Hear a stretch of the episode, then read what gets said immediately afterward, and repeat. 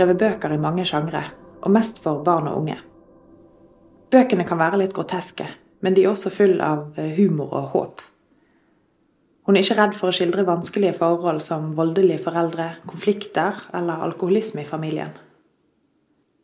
Når biblioteket holdt konferansen Se og les om barne- og ungdomslitteratur, inviterte vi Dale til en samtale med Siri Økland, som mange av oss kjenner fra Bergens Tidende. Det er billedbøkene denne podkasten handler om, om hvordan leseren responderer på bøkene til Dale. Vi får også vite hvordan det er å jobbe sammen med mannen Svein Nyhus, som har illustrert mange av bøkene hennes. Og nå er de også foreldre til en annen forfatter og illustratør, som er med på laget. Biblioteket arrangerer Se og les-konferansen i februar annethvert år. Og Hvis du er interessert i mer informasjon, så kan du gå til bergenbibliotek.no se og les. Velkommen til deg, Gro Dale. Takk, Siri, og velkommen til deg, Siri. Hjertelig. du har jo blitt presentert eh, allerede. Takk. Jeg eh, kan jo eh, egentlig da bare begynne rett på. Og eh, vi har fått Men ja, vi er plassert på programmet under vignetten 'Minst'. Og med det er det selvfølgelig tenkt at din, mange av dine bøker kan også passe for de minste. Men hvem tenker du sjøl at du skriver for når du lager bildebøker? Ja, jeg er egentlig veldig irritert på sånn aldersfordeling. Så jeg, med en gang når Siri sa det med, med, minst, at jeg skulle ha det med minst, så tenkte jeg at å, enda en sånn, sånn trangt rom å måtte tvinge seg inn i. For det er jo veldig kommersielt rom, det derre minst, mellomst og størst. For det er sånn som veiledende i forhold til det kommersielle eh, kjøperne i markedsavdeling, for markedsavdeling på forlag, og også på, i butikker. For å plassere plassere det på riktig sted og for å selge mest mulig osv. Så, videre. så jeg er ikke noe glad i den eh, minsten. Nei. Nei. Jeg skriver for alle. Mm. Og eh, like mye for store som for uh, små. Like mye for ungdom som for voksne som for barn. Så jeg liker bedre den allalder, den litt åpne allalderen. Men jeg har to bøker som er for minsten. Altså, er, jeg har to bøker, eller fire bøker. Simon og Kaja-bøkene. De er for det minste tre til, to det... til, ett til fem år. Ja, hva, hva, som gjør at du liksom er med på at disse kan du kalle, kalle for de minste? Jeg opplever det som bruksbøker. Mm. Altså lekebøker. Og også måtte litt kle på, se på video, tisse. Altså det enkle, basale. Det er ikke noen dimensjoner her. Det er ikke noen nivåer. Det er ikke noe psykologi, det er ikke noe pedagogikk, det er ikke noe filosofi, det er ikke noe samfunn. Det er ikke noen ting mellom linjene. Det er bare akkurat det som er. Mm. Men de kaller du bruksbøker? Bruksbøker kaller jeg det. Ja. Eh, det er jo bildebøker, for du ser jo det, er jo det er jo masse bilder i dem. Og sånn sett kan man jo på en måte si at ja, det er jo like mye bildebøker, det. Men eh, jeg, jeg, jeg, bruksbildebøker har jeg liksom kalt det, da. Men fortell, fortell hvordan du skiller disse fra de, de bøkene som du kaller allalderbøker. Altså, hva, hva dimensjon er det du da ønsker å, å måtte, bygget eh, i, i, de andre bøkene, som du da ikke kaller bruksbøker, tydeligvis? Ja, altså, jeg jeg syns det er veldig fint med en stor bredde. At man har underholdning, at man har bruksbøker, badebøker, lekebøker, puttebøker, finnebøker, tegnebøker. Altså at man har et veldig bredt område. Det syns jeg er flott. Så det er ikke noe gærent i en eh, bruksbok eller en underholdningsbok. Det er supert. Men jeg er ikke så interessert i å jobbe med den type bok. Nei. Jeg er ikke det er ikke noe gøy for meg. og skal jeg skrive noe, så må det være gøy for meg. Mm. Altså skal jeg bruke ja, blir, gir, Jeg gir ut en bildebok eller en, en bok for, for, barn og ungdom i året. Mm. Og da, det er jo på en måte ganske lite. Og da må, ha, da må det være gøy det året. Mm. Ja, det, det, skal være gøy for meg. Og, og, da, når det er for eh, de allealderbøkene, de er morsomme for meg. For da er utfordringen å tenke to historier. Å mm. tenke handlingsplanet for barnet. For barnet forholder seg først og fremst til eh, aktivitetsnivået på overflaten, altså handlingsplanet. Og så skal det være noe der også for ungdom eller for litt uh, spesielt uh, interesserte barn, eller for voksne. Mm. Hvordan, hvordan, jobber du for, for, for å liksom få fram disse, disse lagene, da, hvis man kan kalle det det? Ja, jeg, jeg tenker veldig mye metafor. Mm. Uh, å finne en metafor som på en eller annen måte kan bære flere fortellinger. Og ha et eventyrnivå, et, et eventyrstadium. Og så bak det eventyret at det kanskje ligger en psykologisk dimensjon som handler om følelser eller konflikter eller relasjoner. En eh, sosiologisk dimensjon som handler om rolle, status, samfunn. Mm. En dimensjon som går på det eksistensielle eller filosofiske, enten det etiske eller det ja, identitetsmessige, tankemessige. At det kanskje ligger en pedagogisk dimensjon der som man kanskje kan bruke i en eller annen sammenheng. Mm. At det kanskje fins en eh, en metadimensjon der som handler om at fortellingen kan brukes At fortellingen i seg selv kan bli en venn. Mm. At man har forskjellige nivåer, dimensjoner, som kan løfte og åpne opp til flere rom. Jeg liker veldig godt å tenke på boka som et hus. Mm. Og egentlig så er det nok bare å gå inn døra og sette seg i sofaen og drikke saft. Det er liksom det er nok. Men hvis man har lyst, så skal det være en mulighet til å trappe ned til kjelleren. Og en, kanskje en trapp oppover til et loft. Og kanskje et kott som er helt mørkt. Mm. Og kanskje muligens et annet rom hvor lyset kommer inn på en annen måte, så man ser noe nytt og opplever noe nytt og oppdager noe nytt. Ja, ja. Eh, men i, i, forhold til altså, du, du, nevnte metaforer, så du jobber jo med språket sjøl. Ja. Det liksom er din jobb. Mm. Men illustratøren har jo også en jobb her. Hvordan ja. jobber du sammen med illustratørene dine? Ja, for at En bildebok det er jo en, et samarbeidsprosjekt bestandig. Det er den verbale fortellingen som er mitt ansvar.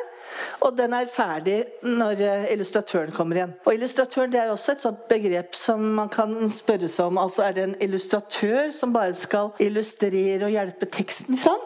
Jeg liker mye bedre den, den visuelle fortelleren. Altså at, at, det er en som jobber med den visuelle fortellingen, med bildet, og skal fortelle sin historie gjennom bilder. Og, og ikke bare støtte opp om teksten, og ikke bare pynte for teksten, og ikke bare eh, måtte hjelpe teksten med å bli kommunisert, men å lage sin egen parallelle verden, bildemessig og visuelt.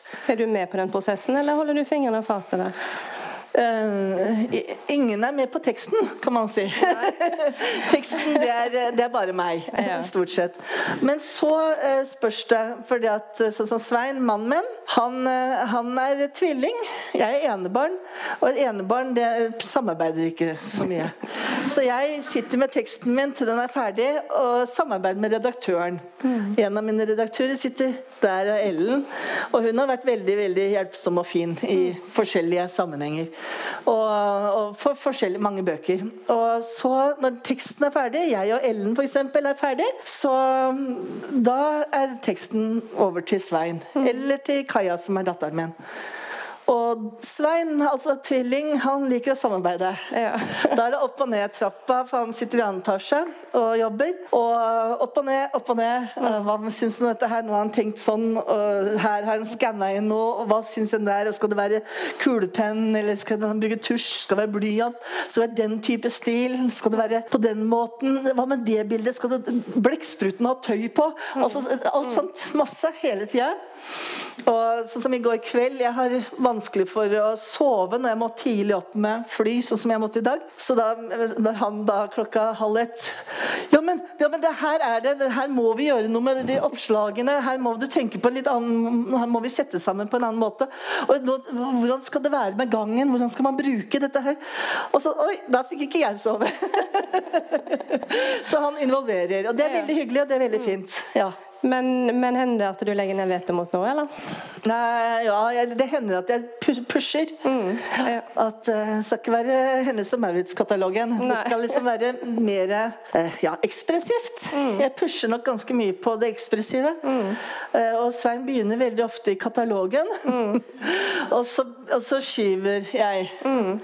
Og så siden av mannen, da husker jeg at jeg, at jeg skjøv enda skumlere, enda verre, enda mer. Ja. Mm. Sterkere. Og huset trenger ikke ha vinduskarmer, huset trenger ikke ha takrenner. Det skal liksom være huset i huset Mm. jeg er på jakt etter. Men hvis han hadde kommet til deg da med en metafor «Mm, Jeg syns ikke dette skal være en svane, det skal være en and, eller hva det måtte være. Hva, Jo, men han hva ville du gjort da? Ja, men jeg, jeg vil nok jeg, jeg går jo og Hvis han hadde sagt det, så ville jeg jobba med det. Ja. Mm. Og han kan si at her må vi stryke, det er for mye tekst. Ja, mm. Og det, det gjør jeg. Ja. Mm. Og det med en gang gjør jeg det. Ja. Så det er, det, det er ikke noen konflikt i det. Nei. Eh, Det er mer eh, hvor han Han har en del jobber eh, Kanskje litt tungt med, med sin visuelle oppgave. Og hvor jeg, teksten han kanskje er ferdig, og så sliter han med å finne det visuelle språket sitt og velge. Og da er det en del eh, Er du mer forsiktig med å blande deg i datteren din sine tegninger, eller? Siden eh, Ja, hun er så selvstendig. Eh, Svein er altså den tvillingen. Han vil ha meg med hele tida. Mens datteren min hun har laget altså den derre eh, krigen og Hoppes og gåsa. Og meg Silla, bare for å vise hva hun driver med. Og Kaja hun og jeg hun gjør, jobber ferdig, egentlig mesteparten. Jeg har gjort det ferdig. Eh, Vi har en sånn eh, fin prosess, syns jeg. Ja. Hun er så lett å jobbe med, eh, fordi at hun trenger meg til å strukturere. Så jeg leser bøker høyt i sofaen, og hun sitter andre og tegner. bøker? Ikke det som du har skrevet? Ikke det jeg har skrevet, mm. men andre bøker. Ja. Ja, I fjor så leste vi alle Når vi jobba med Meisilla, da leste vi seks novellesamlinger av Alice Monroe. Så leste vi Sulta Hansen, og så leste vi en fantasyserie på et par tusen sider. Det er hardt arbeid, dette. Og da når, når da hadde det gått tre uker Jeg ser ikke på hva hun lager. Da sitter hun med Du leser høyt, rett og slett? Jeg leser høyt. Mm, og så, så tegner hun. Ja. Fascinerende. Ja, det er fantastisk fint, og det er fineste timene i livet mitt, syns jeg. De leser høyt-situasjonene. Du viste krigen her borte. Um, da kan jeg jo eh, ja, påpeke en liten observasjon. Du begynte med si noen Mhm. bøker som du nå kaller bruksbøker. Jeg vet ikke om du kalte det den gangen. Eh, artige, rampete, tøysete bøker. Eh, og så har du da gradvis, én etter én bok, kommet mer alvorlige Mhm. tema inn i bøkene. Um, har dette vært um, en planlagt utvikling? Kan du si noe om hva som har, et skje, hva som har skjedd liksom, underveis her? Ja, Det er et veldig fint spørsmål, syns jeg. At, um, jeg tenkte ikke på bildebøker at jeg skulle skrive bildebøker i det hele tatt.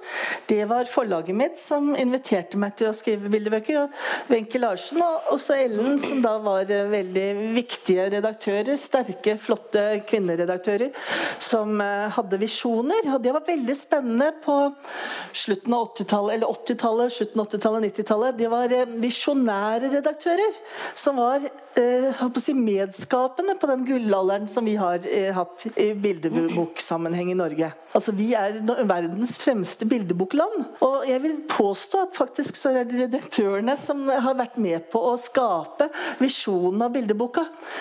Så eh, var, jeg var dikter og prosoforfatter, og, og min, eller en redaktør fra barnebokavdelinga spurte om jeg ville skrive en bildebok, en barnebok. Jeg visste ikke hvordan man gjorde det. Eh, Jeg skrev i vei, og det ble en bok om omsorgssvikt. Den Emilie og den umulige mammaen. Og den ble ikke bra. Og jeg lagde en versjon til og en versjon til og enda en og enda en. Og det var mye mye vanskeligere å skrive den barneboka enn å skrive noen av de voksenbøkene jeg hadde skrevet til da. Og etter ni versjoner så sa jeg til redaktøren at nei, jeg klarer det ikke. Du får, gjøre, du får klippe det sammen. Og det gjorde hun. Og det, det ble den første barneboka mi. Og så sa hun at kanskje hva med en liten serie for de minste? og da ble det Simon og Kaja-bøkene. De eh, sanne historier fra familien. Og Simon og Kaja-bøkene de, de er jeg ikke spesielt eh, fornøyd med, bortsett fra at de var Altså det, det er mange som syns de er morsomme. Og det som er interessant, det er at eh, på bibliotekene så er det veldig ofte ungdomsskolegutter som blander dem. Og, altså, for, for det første at det er humor. og at det er ganske lite tekst. Og hvis de må lese tre tekster på et halvt år, nei, tre bøker på et halvt år, så er det ganske enkelt å få til det med tre Simon og Kaja-bøker. Så hun sa at, at, det var en av de bøkene som var, eller de bøkene som var mest lånt, og at det var da ungdomsskoleguttene ja. som lånte den. Her må lærerne passe litt på. nei, men jeg syns egentlig at det er fantastisk fint at det fins bildebøker at ungdom kan komme til bildebøkene mm. uten å være redd for det. Mm. Det er de jo. De er redd for det. det. det. virker så barnslig med bildebøker. Og disse her, her er jo superbarnslige. De er ikke egnet for voksne eller ungdommer i det hele tatt. Men at, eh, at det etter hvert nå er i ferd med å bli bildebøker, illustrerte romaner for ungdom, det mm. syns jeg er så fint. Og så har du da, ja, etter disse fire, så har du da, ja, eh, som jeg var på, på vei til å snakke om i forhold til den eh, Eh, jeg vet ikke om utvikling er rett uttrykk. Det, oh, ja, det var det nettopp. Ja, mm. Mm. Og det var hvorfor det? Ja, hva jo, skjedde? Eh, det Ulla Redin mm. skjedde. Ja. Og det var her i Bergen. Mm. Og da var det en konferanse eh, hvor Ulla Redin bl.a. holdt eh, innlegg. Si hvem det er, til Ulla Redin? Eh, Nordens eh, viktigste mm, litteraturforsker på bildebøker. Kjempeinspirerende og fantastisk dame som holder veldig inspirerende foredrag og skriver veldig interessante artikler. Og mange bøker om bildeboka. Og hun var her i Bergen på et stort møte som da ord og bilde, tror jeg det var et eller annet eh, ja, det, som, som, ble holdt her noen år på rad. Og da holdt hun et foredrag, og hun snakket om Allealderboka. Jeg hadde ikke tenkt på det i det hele tatt, men det, det var altså så inspirerende og så interessant at bildeboka er ikke til, bare til det minste, sånn som Simon og Kaja-bøkene. De er til alle. Og det, som oftest, sammen med barnet eller sammen med hoppsi, ungdommen, så er det også en voksen av og til med. I hvert fall mm. barnet er en voksen, eh, voksen også med. En formidler, kanskje en lærer, kanskje en barnehageassistent, kanskje en forelder eller bestemor eller en bestefar. Og så blir det et samspill rundt den boka. Og det er jo også det som er så fantastisk fint med bildeboka som oppfinnelse det er at bildeboka blir på en måte da et teater. Mm. Hvor du har teatersalen, altså amfiet her på fanget eller i sofaen. Og så har du, du boka. Så åpner man boka som et som en scene. Hvor man da Plutselig så ser man en scene her, og så får man da sceneskifte og sceneskifte med et sånn a og et o, og så aha, og så ha-ha. Og, så, og så, så, går man gjennom bildeboka, så blir det på en måte teater. Hvor da scenen og, og, og amfiet er i et samspill. Og det blir en opplevelse av tekst og bilde og nærhet og lesing og bok. Og en opplevelse blir det. Og den, den boka som teater, det syns jeg er eh, veldig viktig kvalitet med bildeboka den muligheten til å få det The drama of the turning of the page, som eh, Barbara Bader sa en eller annen gang på 70-tallet. Eh, hvor man da virkelig får den der snuingen, sceneskiftet, mm. som jeg syns er så fascinerende med bildeboka. Men, men, kom det da et slags uh, si, dramaturgisk behov for å bringe alvorligere emner inn når du tenkte et større spekter i alder? Eller ja, kom det òg etter hvert? Eh? Jeg tror ikke det var dramaturgisk behov. Det var mer et, et behov for å åpne opp mm. den bygningen, mm. altså teatersalen. Åpne opp til en, at, at, også den voksne får noe der inne. Mm. Og også det at eh, åpne opp disse rommene i dette huset mm. for å få inn større dimensjon, mm. mer nivåer, større opplevelse på mm. flere, flere plan. Så jeg tror nok at det, der, det, det, det foredraget av Ulle Redin det tror jeg var avgjørende for min del mm. i forhold til å ha lyst til å, å jobbe på den måten. Mm. Og jeg tror Hun tok mye eksempler på um, de bøkene hun tok eksempler fra. Også eventyr, hvordan hun snakka om eventyr. Mm. At eventyrene og hvordan de egentlig hadde var for alle. Og også for voksne så hadde de på en måte et, et, et, et ja, et psykologisk en psykologisk minefelt også som lå der. Mm. Som også var kjempespennende. Så jeg ble veldig inspirert, rett og slett. Det var en visjon. Ja. Og her i Bergen. Ja. Men, men, når du da har brakt inn tema som, som vold, som omsorgssvikt, mm. død hvordan jobber du for å ivareta liksom, barnet, også det minste som hører inn under alderspekteret? Hvordan, ja. Jo, eh, det som jeg syns er eh, egentlig ganske fascinerende med, med, barn og voksne lesere i forhold til én opplevelse, det er at barn opplever og leser en helt annen bok enn den voksne. Og det er egentlig veldig vanskelig for veldig mange voksne å innse at barn leser annerledes enn det vi gjør. De har en eh, verden, altså en virkelighetsforståelse, en virkelighetsopplevelse, som, eh, som da tilhører deres stadium, utviklingsstadium. Altså Piaget kalte for det preoperasjonale stadiet, som er alderen mellom to og, og sju år. Og da, da leser de konkret. Mm. Helt konkret. De er opptatt av detaljer og ikke linjer. De er opptatt av av kategorier som familien, og ikke undertekst. Ikke, ikke større områder. De er opptatt av besjelingen og håper å si, egosentrisiteten av barnet. De ser bare sin, sitt blikk. Mm. De ser sin historie. Mens den voksne ser mulighetene mm. og ser lagene. Og, og det, at det er noe for barnet der, det er viktig. At det er en historie som på en eller annen måte kan snakke til barnet. Et eventyr, f.eks. Mm. Og f.eks. Eh, Sinnamann, da, som da er en historie om vold i hjemmet, og som eh, mange voksne syns er fryktelig fryktelig ekkel og ubehagelig, og skummel og truende, syns barn er gøy.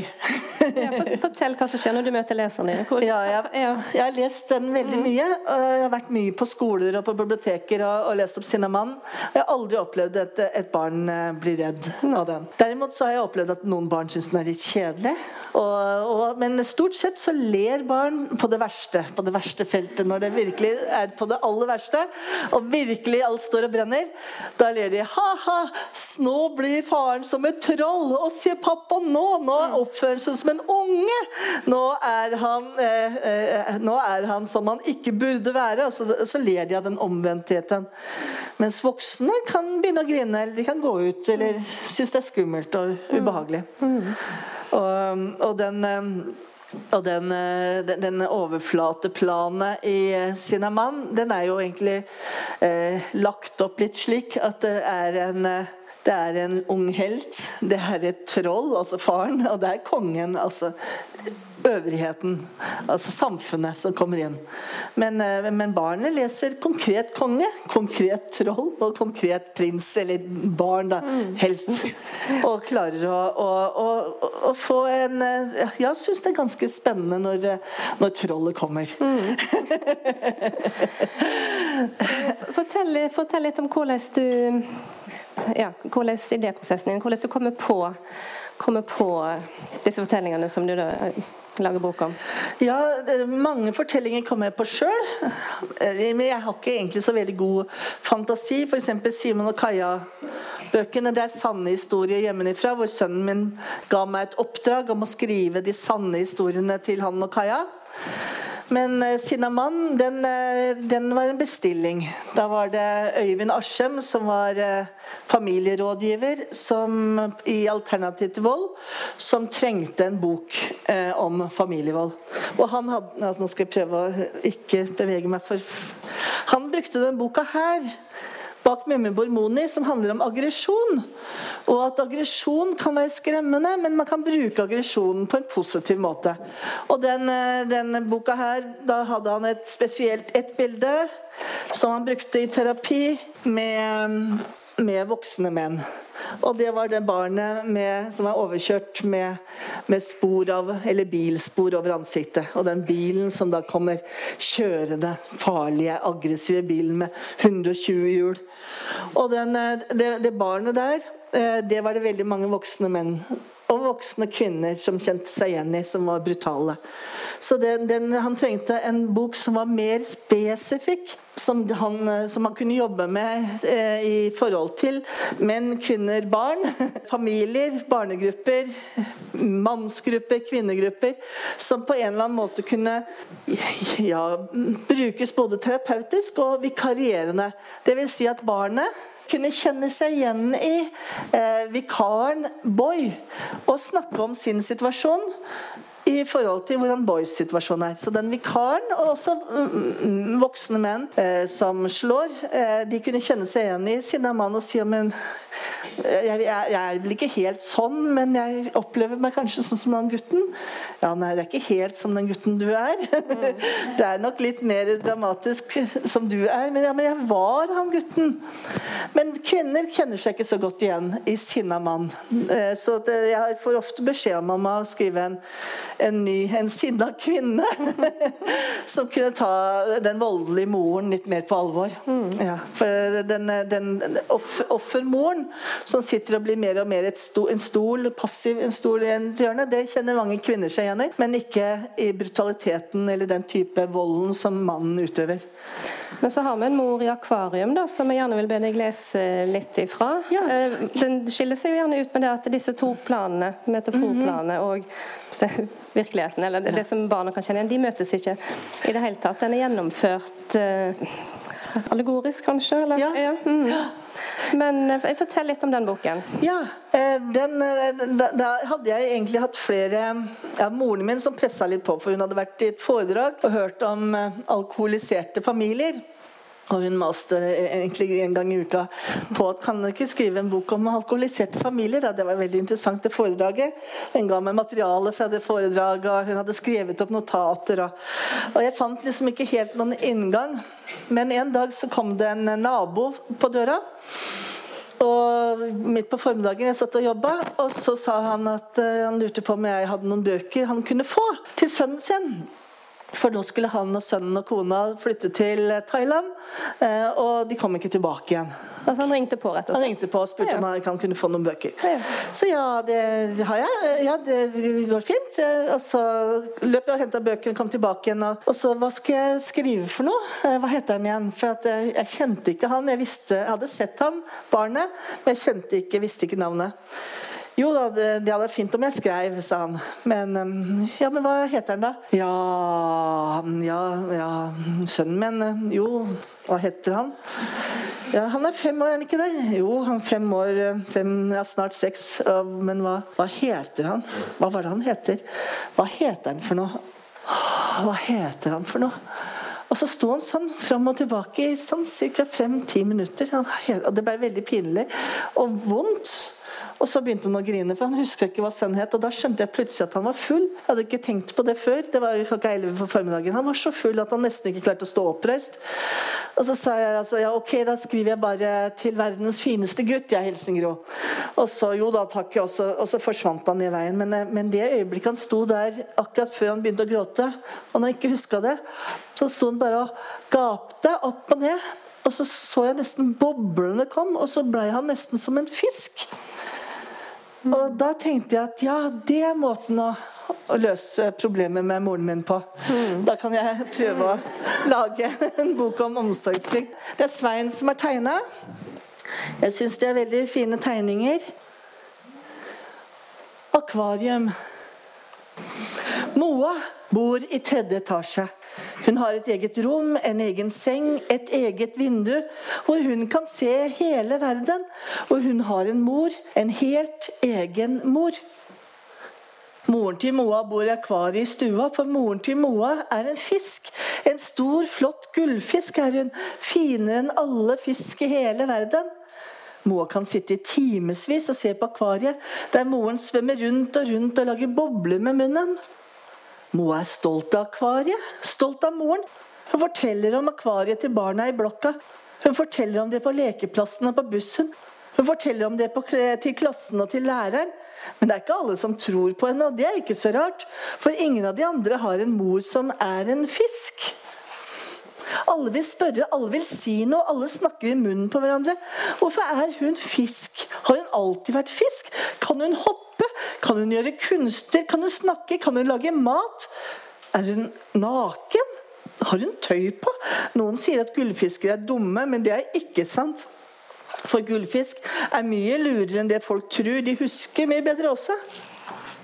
Etterpå, når det bare er læreren og Moa igjen i klasserommet, spør læreren om hun kan være med Moa hjem for å se på akvariet. Men det vet ikke Moa om moren vil like. Kanskje moren vil bli flau over at hun er fisk. Kanskje moren vil bli lei seg. Selv om læreren er snill. Derfor rister Moa på hodet når læreren spør. 'Passer ikke i dag', sier Moa. Moa er den som går i butikken. Hun passer på at moren får den maten hun skal ha. Det er fiskemat fra en boks. boks. Tynne, fargerike flak. Ikke mer enn en skje, for ellers blir vannet grumsete og begynner å lukte vondt. Må holde akvariet rent og følge med på temperaturen. Ikke for kaldt og ikke for varmt. Hun må passe på, for akvariefisk er veldig følsomme. Moa vet ikke om moren hører eller ikke, for glasset er tykt, og fisk har ikke ordentlige ører.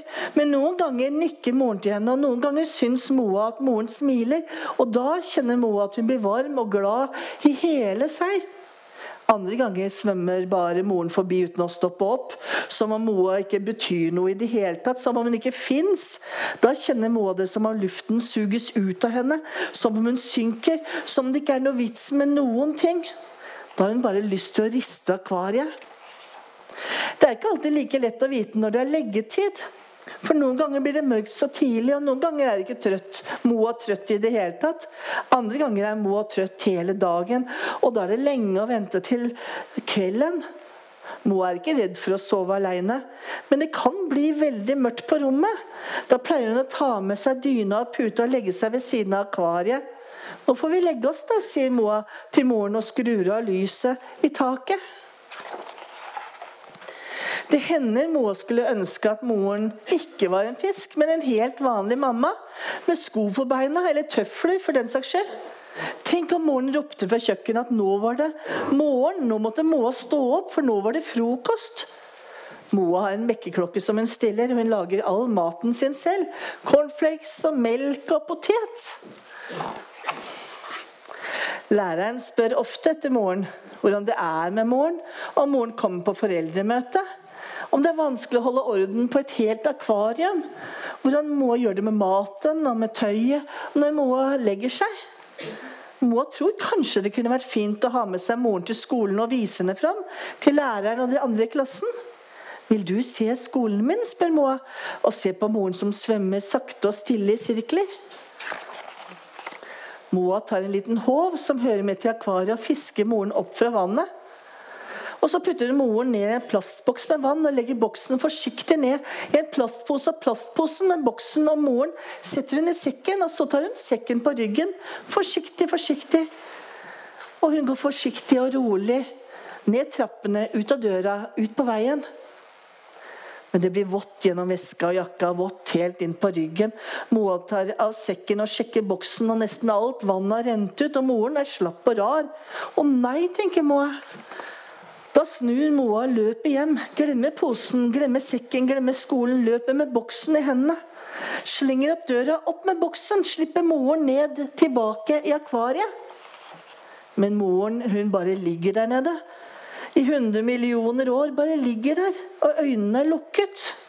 Jeg skulle ikke tatt henne med, tenker Moa. Moa ser på moren. Vær så snill, hvisker hun. Mamma. Og så skjer det noe. Det skjer noe der nede på bunnen. Moren begynner å røre på seg. Først en liten bevegelse i den finnen, og så øynene. De åpner seg et blunk. Sjeler. Så munnen en bitte liten boble. Så halen, og plutselig er den oppe fra bunnen. Gjennom vannet. Skjener inn mellom plantene. Snart er moren nesten helt som før. Hun svømmer litt skjevt i starten. Etter hvert svømmer hun bedre.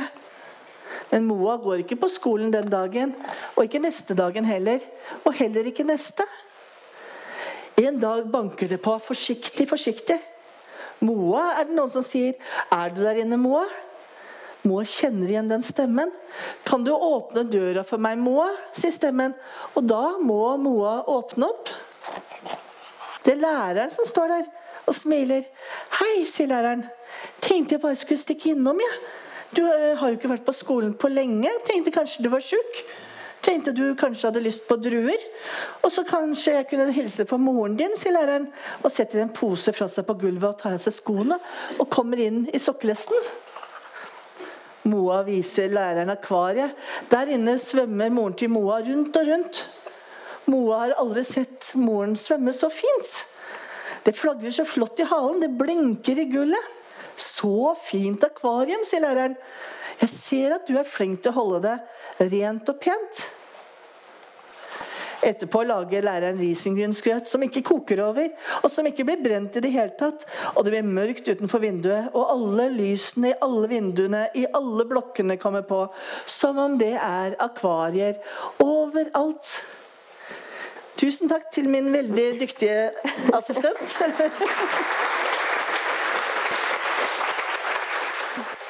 Ja, takk skal du ha. Um, i, I disse allalderbøkene dine så, så, er det jo um, i familien det skjer, disse vonde tingene. Uh, det er ja, Man nevner sin mann, du har lest fra 'Akvarium en mor', du har nevnt 'Krigen', som er da, handler om en skilsmisse. Det er en hund som dør i en bok.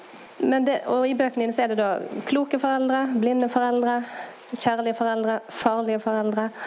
Um, det er liksom i disse relasjonene det skjer.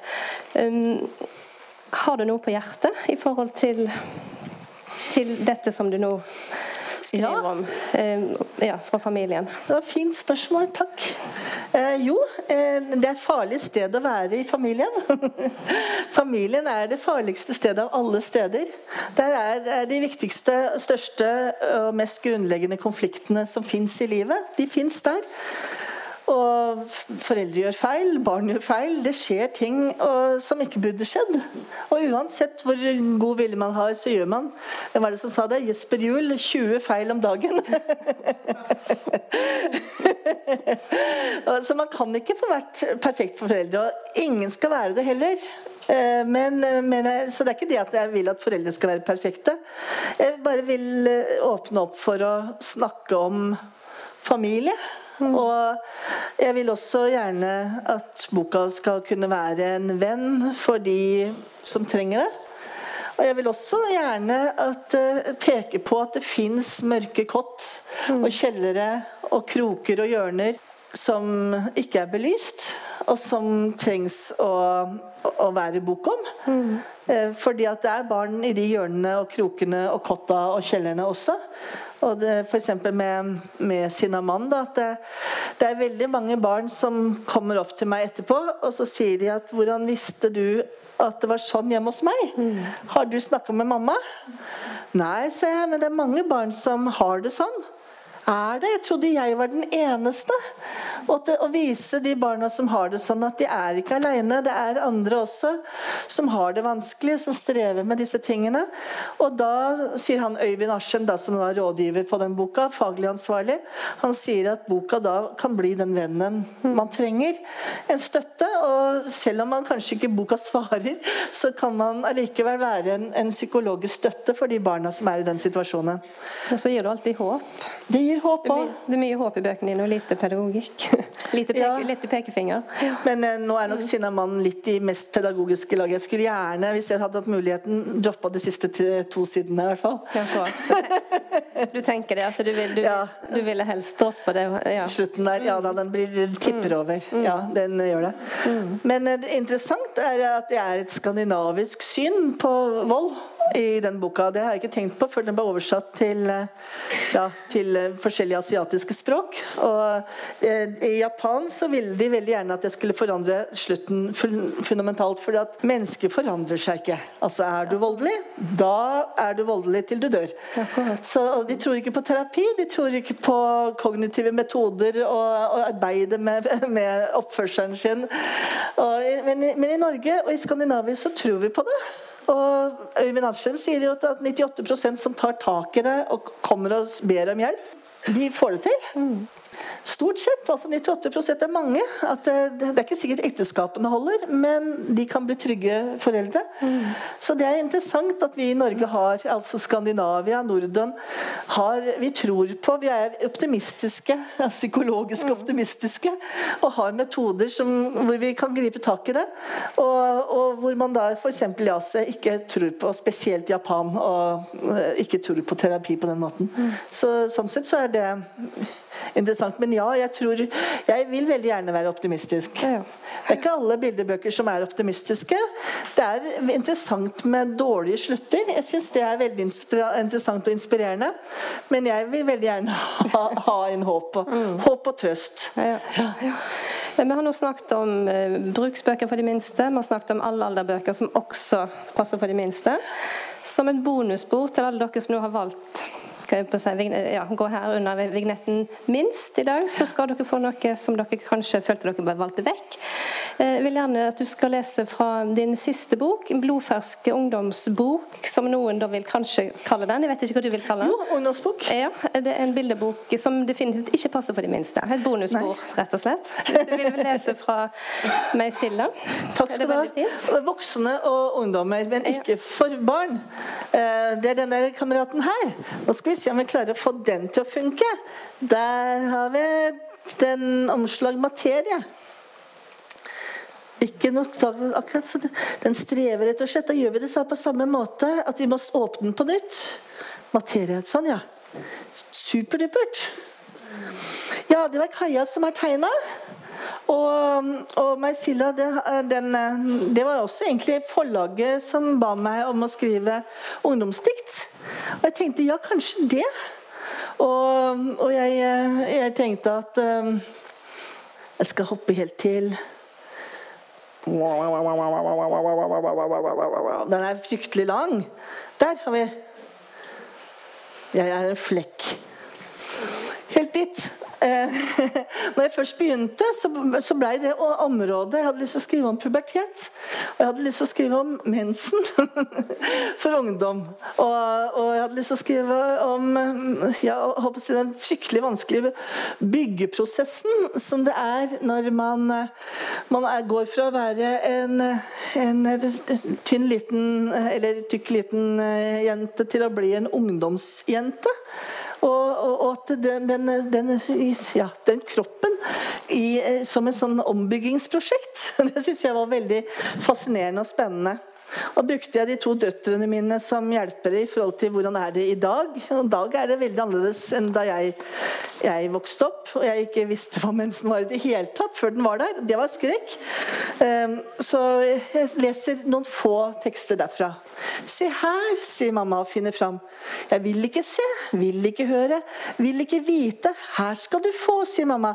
Og her og her og dette og dette og disse og disse og denne. Hvis det blir mer og sånn kan du gjøre og sånn og sånn. Og vær så god, du kan bare ta med deg dette og prøve ut. Og disse, det kan være lurt. Og denne på natta.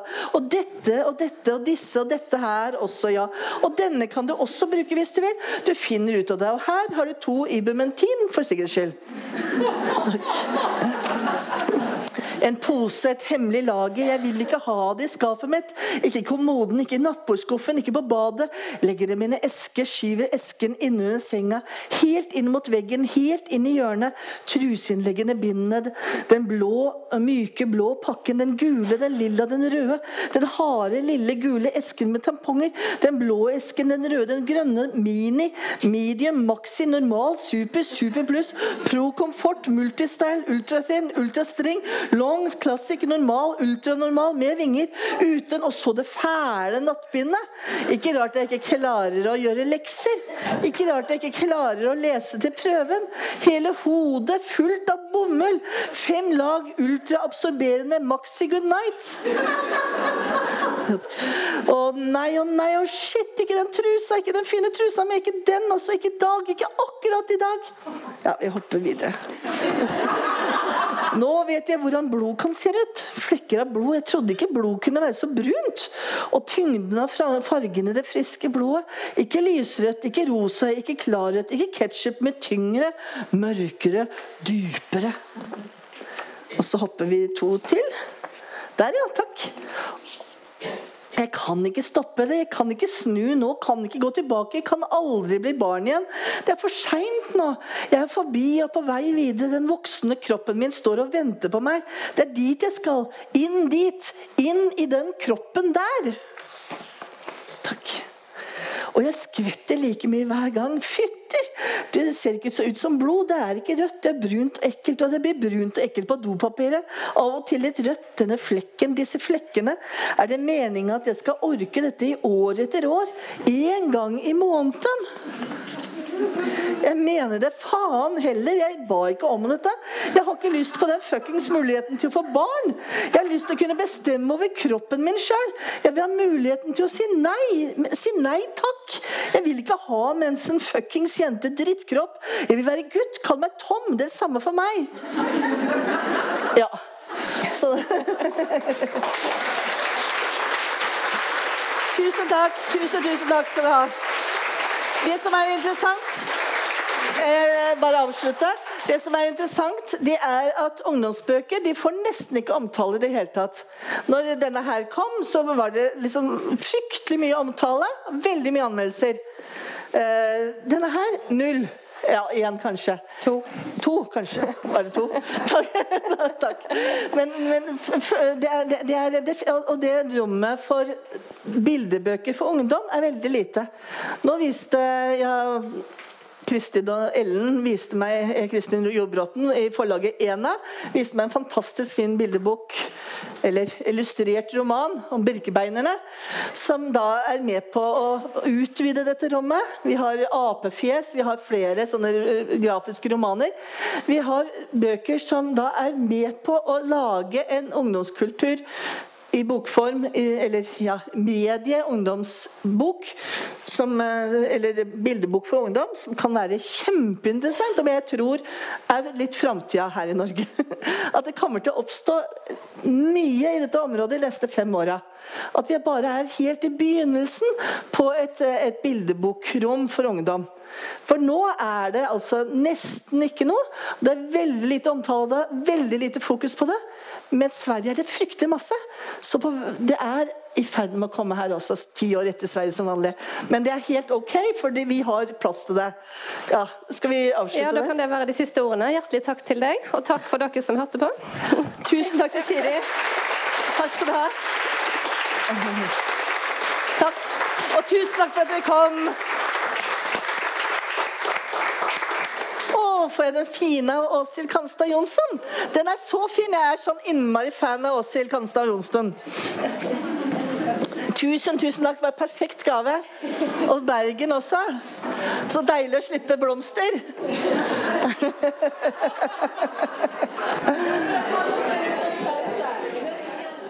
Du har lyttet til en podkast fra Bergen offentlige bibliotek.